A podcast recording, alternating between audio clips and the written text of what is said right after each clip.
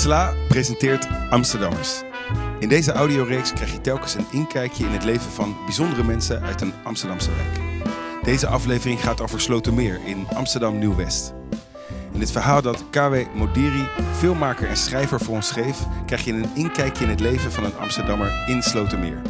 Het verhaal wordt voorgedragen door acteur Zuher Mtazi.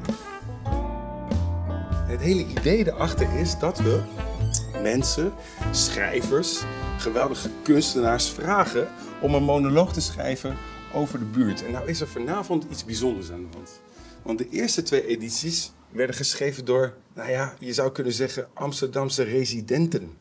Mensen die hè, het privilege hebben om zichzelf Amsterdammer te mogen noemen, omdat ze nou eenmaal in Amsterdam een dak boven hun hoofd hebben weten te vinden en te bemachtigen. Wat toch wel echt met recht een privilege genoemd mag worden, dacht ik zo. Ehm, maar vanavond hebben we een gast, een schrijver, een filmmaker. Ja, hij is eigenlijk gewoon verhalenverteller. Het zit volgens mij in zijn bloed, het zit in zijn DNA. Hij is ermee geboren, denk ik zomaar eens. Uh, dat ga ik hem later uh, vragen natuurlijk. Vanavond hebben we hier iemand te gast uit Rotterdam. Wat een geweldige stad is overigens, hè? Even, ja? oh ja, we zouden hier niet te veel over grootglas opleggen. Nee, maar uh, en uh, zijn naam is KW Modiri. En KW Modiri is gevraagd om een monoloog te schrijven over deze geweldige buurt. Daarvoor is hij in gesprek gegaan met mensen uit Slotermeer. Hij heeft zijn oor te luisteren gelegd. En hij is te raden gegaan bij zijn ziel vervolgens. En heeft een hele mooie monoloog geschreven die zo meteen wordt voorgedragen. Door, nou ja, wederom ook zo'n geweldige, geweldige man. Een acteur. Ik ben echt heel erg fan van hem. Zijn naam is Zuher. Zuher Mtazi. Hij zit hier ook. De koning komt hier niet langs. Hoeft ook niet. Moet hij zelf weten. Ja, toch? Ik kan hem moeilijk dwingen. Twintig jaar geleden, toen ik hier kwam wonen, toen kwamen de koninklijke ook niet langs. Wel had ik een buurman. Ik had een buurman die me altijd de les las. Altijd. Over alles. Om je een voorbeeld te geven. Uh, mijn moeder is heel bijgelovig. Dus elke keer als ik de deur uitging, dan gooide ze een ei achter me aan. Tegen de stoep. Voor bescherming of zoiets. En dan stond die buurman meteen aan de deur. Met het verzoek of we geen eieren wilden gooien. En als mijn vader zijn busje op de stoep parkeerde om een lading, god weet ik wat, te lossen, dan stond die buurman weer voor onze neus. Of we die auto kunnen verplaatsen. En als ik na een avond, of na het vallen van een avond, nog een balletje wilde trappen met mijn vriendjes, dan pakte hij mij bij mijn arm en sleurde me mee naar huis en vertelde me dat het bedtijd was.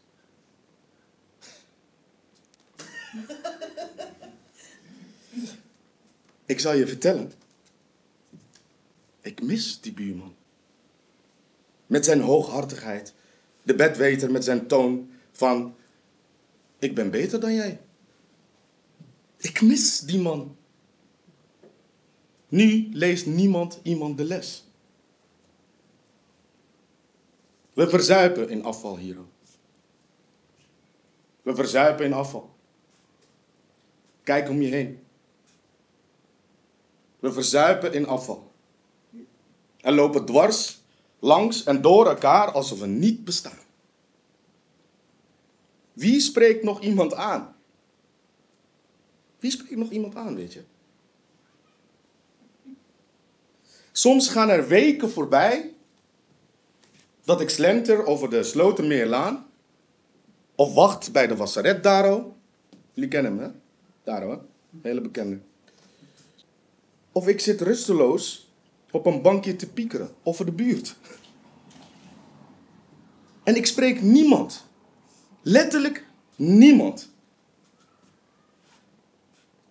Dan voel ik me zo ongehoord en zo, zo verdrietig. Laatst werd het me een keer te veel. Het werd me gewoon te veel. Ik wilde mijn beklag doen. Ik wilde mijn beklag doen over de staat, de buurt en de ellende van het menselijke soort. Van het menselijke soort. Dus ik ging naar het politiebureau. Aan de Lodewijk van Desselstraat. Dijsselstraat. Ah, dankjewel. Hier alsmaar rechtdoor, aan het einde links. Jullie kennen hem, toch? Naast het politiebureau heb je een stichting van de Turkse mannen die roken.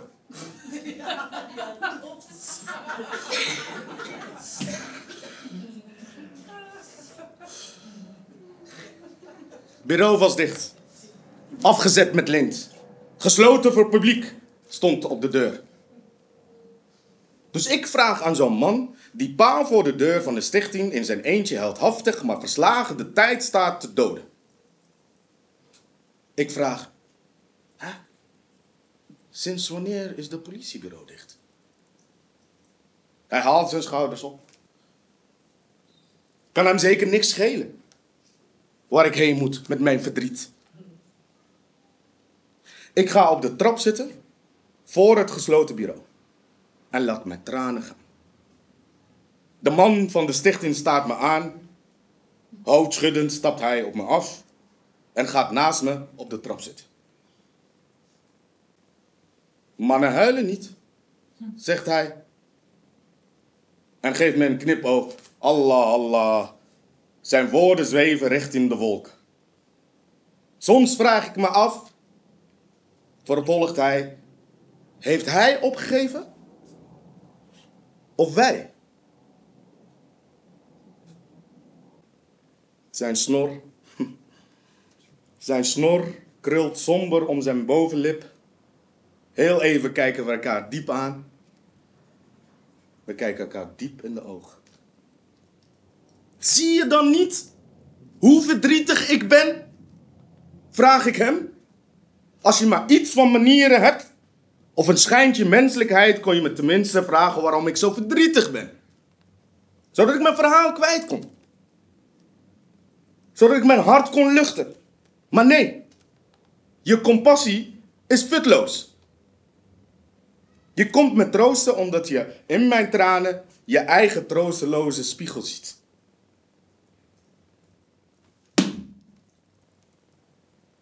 Hij geeft me een harde klap. In mijn gezicht. Ik, zal je, vertellen. Ik weet niet waarom. Maar het voelt best wel lekker. Die klap. Die was op zijn plaats. Denk ik dan. Dat moet hij wel vaker hebben gedaan. Allemaal op de pat. Pat. Je zit te janken. In het openbaar leest hij me de les. Weet je, en je weet zelf niet eens waarom. Maar ik wel. Ik weet waarom jij verdrietig bent. Jij jankt om afval op de straat. Jij jankt als iemand de telefoon niet opneemt. Jij jankt om gebrek aan buurliefde. Jij jankt omdat je vader dood is en hij heel veel van je hield.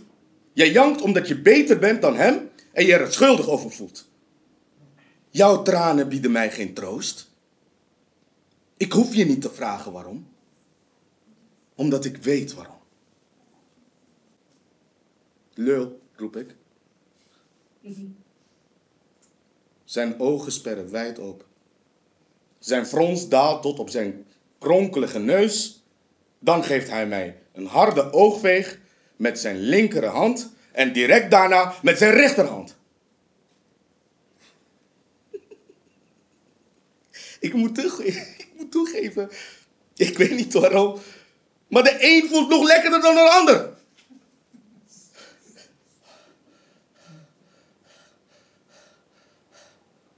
Een politieman rent naar buiten en stapt op ons af. Meneer, meneer, wordt u mishandeld? Wilt u aangifte doen?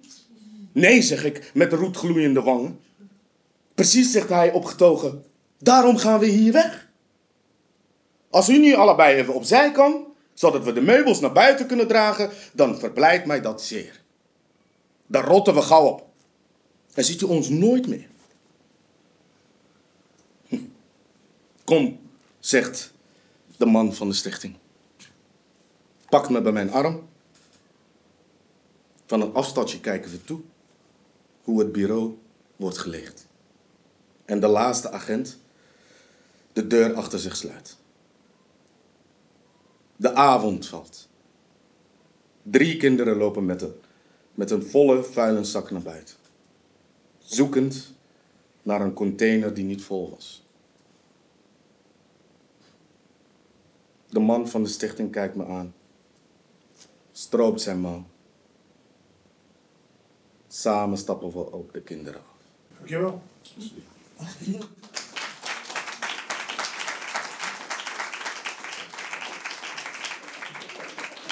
Ik wil heel graag, Kouwe, mag ik jou alvast vragen, dan kun jij een beetje op, eh, even bijkomen, gewoon, weet je toch, even afdeppen en zo, eh, rustig, rustig gaan doen, verlanden. Eh Kouwe, kom jij lekker deze kant op, geef ik jou alvast de microfoon, want ook voor jou was denk ik dit zomer is, in ieder geval de eerste keer met een publiek, dat je de tekst die je hebt geschreven zo tot leven ziet komen. Ja, geweldig. Eh, ik vond het fantastisch om het, eh, om het te zien zoals hij het deed. Heel mooi. Want hoe, hoe, hoe, hoe zit je dan daar? Daar ben ik gewoon even benieuwd naar. Ik bedoel, je hebt een, je hebt een supermooie, interessante monoloog geschreven. Die raakt heel veel thema's, daar gaan we zo over praten. Maar gewoon nu even over dat moment, weet je wel. Dan komt het tot leven. Hoe, hoe beleef je dat? Eh, ja, in zekere zin zoals iedereen, denk ik. Ik bedoel, natuurlijk, ik ken de tekst, maar het is voor mij ook de eerste keer dat ik het werk eh, zie. Dus ik ervaar hem ook zoals, eh, zoals een ieder eh, voor het eerst. En het is, ja, het is, een heel bijzonder moment om het zo eh, tot leven zien komen. Ja. Er worden hele duidelijke beelden geschetst erin. Jij bent natuurlijk, ja, je, bent een, je, je bent eigenlijk een soort van alleskunnende verhalenverteller, als ik je zo mag noemen. Als je, dat, als je daar oké mee bent. Daar ben ik oké mee. ja. Eh, eh, want nee, maar ik bedoel, hè, je, je, je, je schrijft boeken, ehm, romans, ehm, ehm, je, schrijft, eh, je hebt geschreven voor theater, je hebt films geregisseerd, films geschreven. Eh, je hebt eigenlijk een geweldig oeuvre opgebouwd, weet je wel. Maar alles draait om het verhaal en misschien ook wel, misschien kunnen we dat nog verder specificeren, alles draait om het beeld. Ja, ja, zeker. Ehm, beeld en, herinnering voor een heel groot deel ook. En ehm, ja, impressies en observaties. En eh, dat vindt dan uiteindelijk zijn, eh, zijn weg en vorm in, in de verschillende media waarin ik, eh, waarin ik werkzaam ben. Maar iets dat, dat, dat wordt gegraveerd in mijn, in mijn geheugen of in mijn herinnering. En dat raakt aan een andere herinnering. En dan ontstaat er een lijn tussen die twee naar het verleden en het heden. En dat is wanneer het ja, gaat resoneren. Ja. En dan in één keer is er een Stichting Literaire Activiteiten Amsterdam. Die komt op de lijn. Ik weet niet hoe. Misschien via de mail of misschien wel via de telefoon. Eh, via de grapevine, weet je wel. Toch? En kloppen ze bij je aan de deur en, zeg, en zeggen ze... Hey, zou jij het leuk vinden om een monoloog te schrijven over Slotermeer? Eh, en wat dacht je toen? Ik was meteen ontzettend gecharmeerd eh, van het idee. Ehm, ja, Maya vertelde me over de opzet eh, van, eh, van het theater en wat Khadija deed en wat de opzet van deze avond is. En ehm, het sprak me om verschillende redenen eigenlijk meteen aan. Ehm, niet in het minst omdat ik ooit ben begonnen in het theater en theater heb gestudeerd en theater heb geschreven en geregisseerd voordat ik naar kunstacademie ging en naar film, films ging maken. Dus het was een oude liefde wat ik op deze manier weer kon, ja, kon beoefenen. Dus dat sprak me heel erg aan. En ook de, de, ja, de, de, de op, hoe deze avonden in elkaar steken. En dat het de buurt is die bij elkaar komt. En dat het ook echt gaat over deze plek. En, eh, ja, en, en dan mijn ervaring daarvan en hoe ik het uiteindelijk in een werk zet. Maar ook gewoon het, eh, het ervaren van een nieuwe omgeving. En eh, ja, Ja. dat sprak me heel erg aan. Ja. En dat het ook voor de mensen is in de buurt. Maar dan toch eventjes, want, want ehm, ja, je had het net over. Hè? Ik werk ook wel vaak met herinneringen, zei je. Ehm, had je een herinnering aan Slotermeer eigenlijk? Ehm, nou, ik heb twintig jaar eh, voordat ik naar Amsterdam ging in, in, in Amsterdam gewoond, voordat ik naar Rotterdam verhuisde. En, Ja. ehm, dus ik ken de hele stad. Maar in die zin, ehm, specifiek, eh, ik heb hier niet gewoond. Toch roept het wel herinneringen op aan verschillende plekken waar ik in mijn jeugd ben eh, geweest. Het heeft iets, ja, het, het, het roept de cultuur zoals ik hem om me heen zie, zeg maar, roept wel heel veel herinneringen aan mijn jeugd op. Van verschillende plekken. Dus het heeft iets heel erg herkenbaars voor me. Ja. Ja, en waar zit die herkenbaarheid dan in? Eh, nou, bijvoorbeeld in, in alle culturen die die die je hier ziet. ehm, dat, dat aspect ervan is iets wat ik eh, herken. De eerste buurt waar ik in Amersfoort ben opgegroeid, bijvoorbeeld. Eh, ja. ja. Waar ik dan wel benieuwd naar ben, is hoe pak je dan dit aan? Hè? Dus oké, eh, via via gaat dit, weet je wel. Het is een netwerk van mensen die bij jou aankomen kloppen en zeggen van... Hey, zou het heel tof vinden als je een monoloog gaat schrijven over Slotermeer. Eh, je zegt ja, leuk, want ik kan ook daar een klein beetje van mijn oude liefde theater in terugvinden, Ja. weet je wel. En ik, ik heb weer een kans om een mooi nieuw verhaal te schrijven. Hoe pak je dat dan aan? Ben jij gelijk, heb je gelijk de trein gepakt of ben je met de auto hier naartoe gereden en gedacht van, ja, ik ga op safari door Slotermeer nu eerst? Eigenlijk wel, ja. Zo ongeveer. Ik ben hierheen gereden en ehm, de dag dat ik had uitgepikt om te komen was eh, twee dagen na Koningsdag volgens mij. En eh, eh, de staat van de straat was, er lag echt afval overal. Terwijl er heel, ontzettend veel containers waren, zag je alleen maar bergen afval eh, eh, overal bij staan. En eh, ik liep langs de, eh, deze straat aan het einde rechts heb je een eh, wijkagent, eh, of geen wijkagenten, mensen die zeg maar de vrijwilligers die dat, eh, die dat doen. Dat was gesloten en het politiebureau was gesloten. En ik wilde met mensen praten buiten de stichting van Turkse mannen die roken. En eh, eh, niemand wilde met me praten. Dus, ehm, dus daar kwam het idee op van, eh, van, van, van een personage wat eigenlijk gewoon ontzettend veel hartezeer heeft. En eh, hier door de straat loopt en op die beleving van dat moment zoals het er was. eh, wat een ontzettend andere ervaring is dan zoals ik de buurt natuurlijk vanavond beleef en zie. Ik wil zeggen, dit staat er bijna haaks op. Absoluut. Ja. Dat, daarom, dat, is, dat is het prachtige eraan, dat, dat dit nu zeg maar, het ja, tegenovergestelde is. Want het was een, ja. Maar goed, op, op- basis van die ervaring ben ik gaan eh, spelen met het eh, idee van iemand die ontzettend veel hartezeer heeft. En eh, in een, in- op een ja, plek waar dat niet met de meest vitale skill is, zeg maar, om te overleven. Heel erg, heel erg heartbroken zijn. Het, gaat, het, het- stuk gaat over, ehm, het gaat over eh, je ergens A, thuis voelen. Maar vervolgens eigenlijk vanuit dat thuis voelen, eh, een soort van het eigenaarschap. Weet je wel, dat je op je, een plek bent waar jij hoort, waar je je thuis voelt. Dat je ook je verantwoordelijkheid neemt, zeg maar, voor je omgeving. Absoluut, ja. Mooi, mooi, mooi samengevat, mooi gezegd. Maar je, je schetst een beeld eigenlijk dat, eh, nou, in ieder geval de, de persoon die we volgen in het verhaal, ja, die, die, hè, die ageert eigenlijk. Dat het feit dat hij dat mist, dat, Ja. hij, dat, dat hij dat niet meer ziet, niet meer herkent eh, in zijn omgeving, zeg maar. Ik bedoel, is dat iets, is dat iets wat, je, wat je op meer plekken in Nederland ziet gebeuren? Is dat een gevoel waar jij zelf ook wel eens aan raakt? Nou, in die zin dat ik het. ehm, eh, ik woon hier sinds mijn vijfde. We zijn in eh, 1988 naar Nederland gekomen. En eh, het idee dat, eh, dat er altijd iemand was die, eh, die, eh, die eh, de les las. Dat, dat voelde toen zo. Hè? Iemand die altijd die, eh, dat wat eh, zeg maar, niet passend was en die hele integratieproces.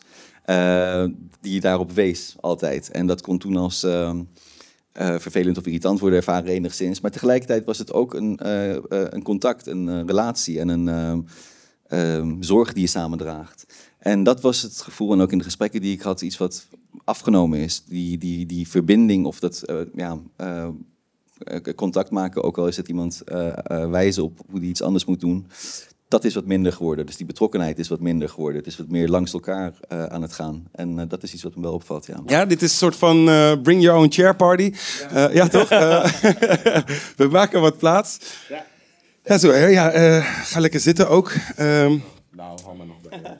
Ja, nee, nee, pak het maar even. Het is, leuk, het is- het is fijn om direct even naar jou te gaan. Zo weer. Want wat, ik, wat ik tof vind is, eh, om nog even te zeggen, ook jij komt niet uit Amsterdam. Was het een verhaal toen jij dat voor het eerst las, eh, dat je dacht, oeh, daar, moet ik, eh, daar moet ik even inkomen? Of dacht je van, nou, ik snap deze persoon wel gelijk?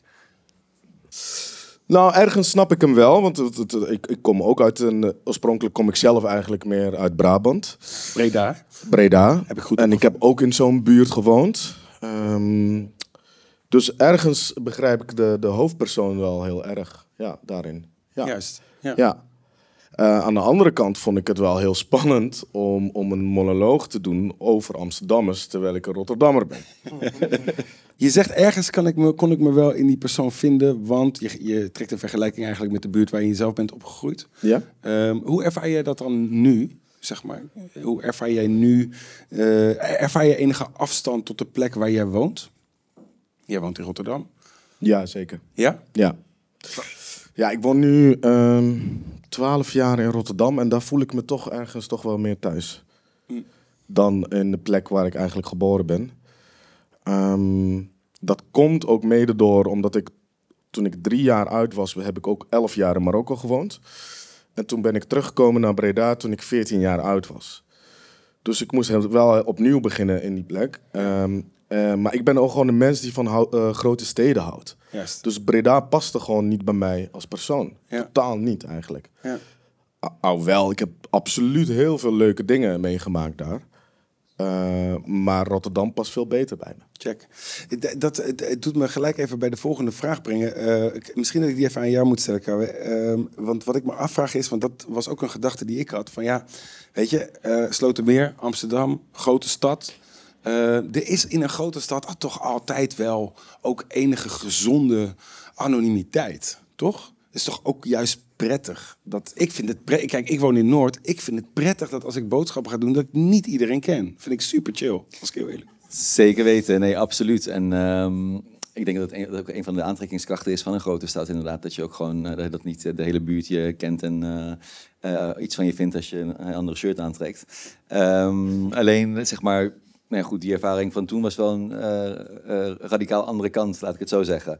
Eh, als ik het goed heb gezien, probeert de, eh, weet ik niet hoor, Gadisha, of jij dat probeert. Ja, ja dat dacht ik al. Ja, ik heb het goed gezien, dus eh, eh, de eindbaas van Theater van Dijssel, toch een soort van, wel een beetje.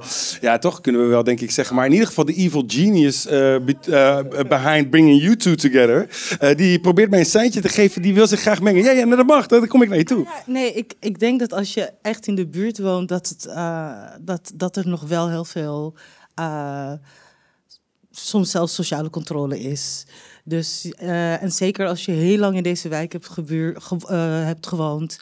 Eh, de, eerste gezinnen die hier naartoe kwamen, hun kinderen, en die krijgen weer kinderen. Heel veel, veel zijn weggegaan, weer teruggekomen. Eh, Ik denk als je echt in de wijk woont, dan zie je nog wel heel veel mensen die de hele tijd met elkaar bezig zijn. Op een goede manier en soms ook op een slechte manier. Want die sociale controle is ook niet altijd heel erg fijn, maar dat is echt nog wel heel erg. En juist in dit soort wijken. En, ja, sorry.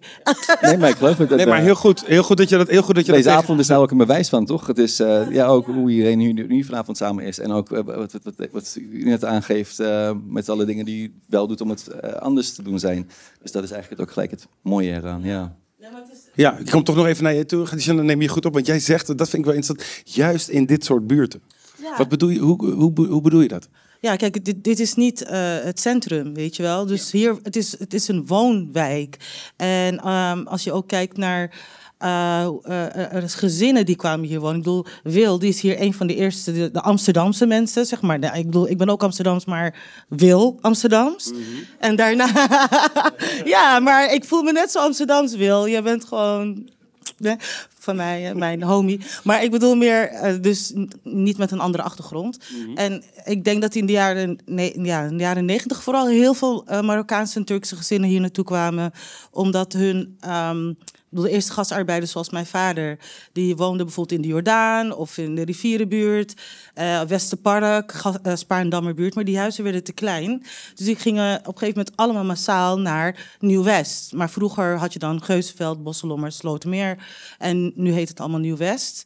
Eh, en die gezinnen die kwamen dus allemaal hier wonen. Dus wij hebben nog allemaal vrienden van mijn ouders die hier wonen. Want wij kwamen, dit is mijn zusje, wij kwamen hier al vanaf ons twaalfde. Eh ja, de buurt, dus waarom kennen wij de buurt ook? We hebben de buurt ook zien veranderen. Maar dus, en die gezinnen, dat, dat, dat is heel normaal in de Marokkaanse of in de Turkse gemeenschap, dat je op elkaar let. Dus dat bedoel ik. Dus het zijn allemaal gezinnen die bij elkaar wonen en die op elkaar letten. En die kregen weer kinderen. En zoals Wil zegt, hun kinderen kregen weer kinderen. En die komen nog steeds hier op visite. Nou ja, dus dat. Dus het zijn nog allemaal van die, ja, gezinnen. buurten. Ja, zeker zo, hè. Ja. Please. Ik ben zelf dus eh, elf jaar eh, opgegroeid in Marokko. En daar ben ik het juist heel erg gewend dat er heel veel controle was. Ik werd echt... jongen, daar werd ik gewoon door de buurman. Die trok me aan mijn oor als ik iets verkeerd deed. En als ik ging klagen bij mijn ouders... Dan, de stad of dan, in- dan ging In de stad of in het dorp? Welke in de stad. welke In de plek? stad. Coribga. is een kleine stadje onder Casablanca. Is, Ah, ja. is gewoon een, een volwaardige stad.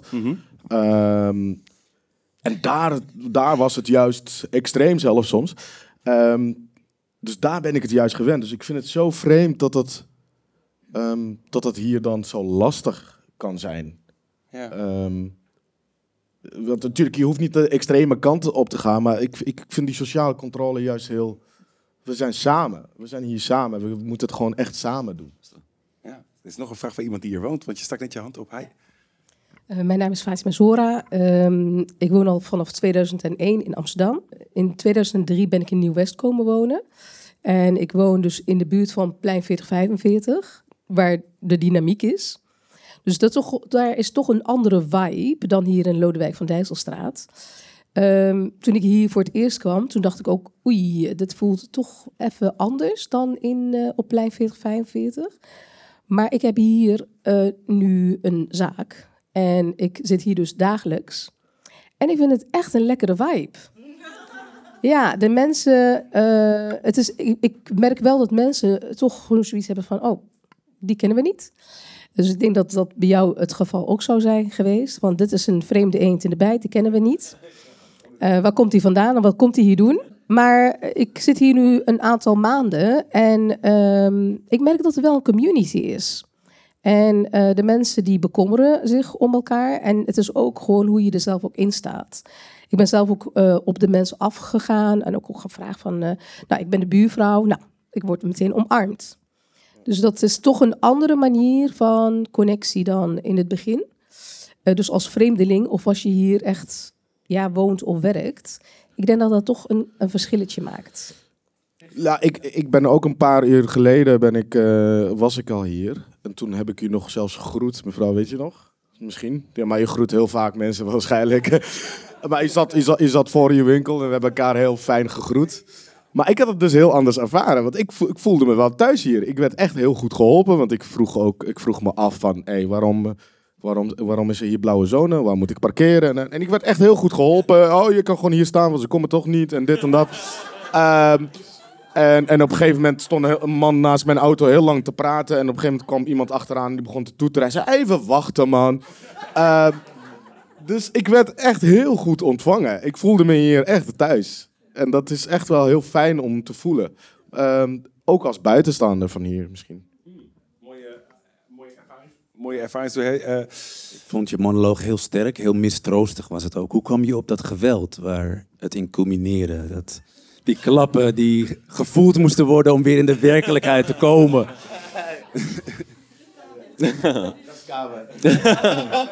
um, nou, ik, toen ik op een gegeven moment het, het, personage had, die dus inderdaad heel erg um, mistroostig is en uh, nou ja, goed, alle ellende uh, bij zich draagt en dan ook mensen daarmee wil lastigvallen en begrepen wil worden, um, was op een gegeven moment ook het groot gevoel van ja, dat, dat, dat, dat, bijna daarom vroeg zeg maar, om, om daaruit te halen.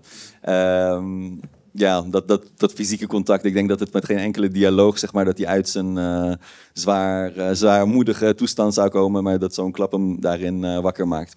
Daarbij natuurlijk speelt het ook met de stereotypen van Stichting van Turkse mannen die roken en die goede klappen kunnen geven. dus, dus het is ook gewoon gebruiken van een stereotype in die, in die zin. Um, ja. ik vroeg me af, hoe vaak ben je hier geweest? Was dat eenmalig of heb je dat meer gedaan? Ik ben hier voor deze, voor deze monoloog twee keer geweest. En uh, nou goed, daar, toen ik in Amsterdam woonde, ben ik hier wel regelmatig uh, langs geweest. Ja. En is dit een manier van werken die je vaker gebruikt of zou je het vaker willen doen?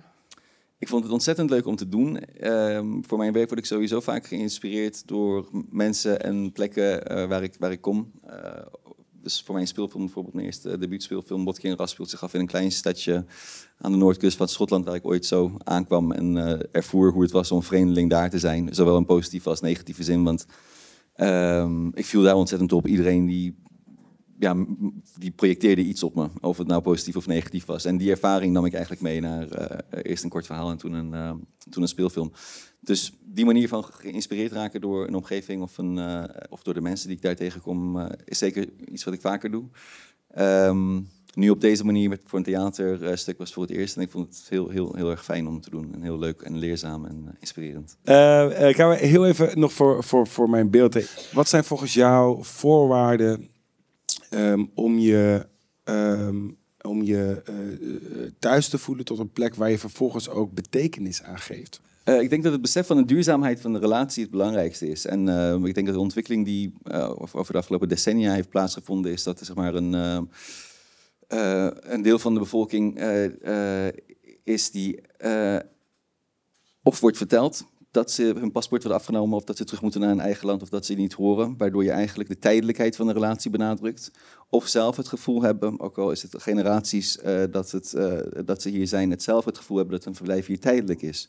En die tijdelijkheid is denk ik wat, wat heel veel kapot maakt. En ik zou heel graag willen dat het van beide kanten eigenlijk, zowel vanuit ehm, eh, ja, zeg maar de, de, de, de, inheemse bevolking of als de nieuwe Nederlanders het gevoel ontstaat, wij zijn hier, wij blijven hier, onze kinderen zullen hier opgroeien, de kinderen van onze kinderen zullen hier opgroeien.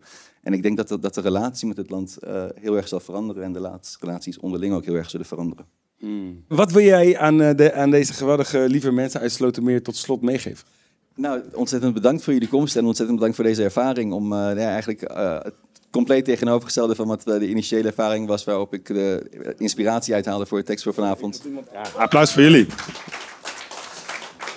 Ja, en dan zeg ik nog even tot slot, lieve allemaal, ehm, heel erg bedankt. KW Modiri, heel erg bedankt. Zoer Mtezi, fijn dat jullie er waren. Echt gek. Ehm, applaus voor mijn geweldige gasten hier vanavond.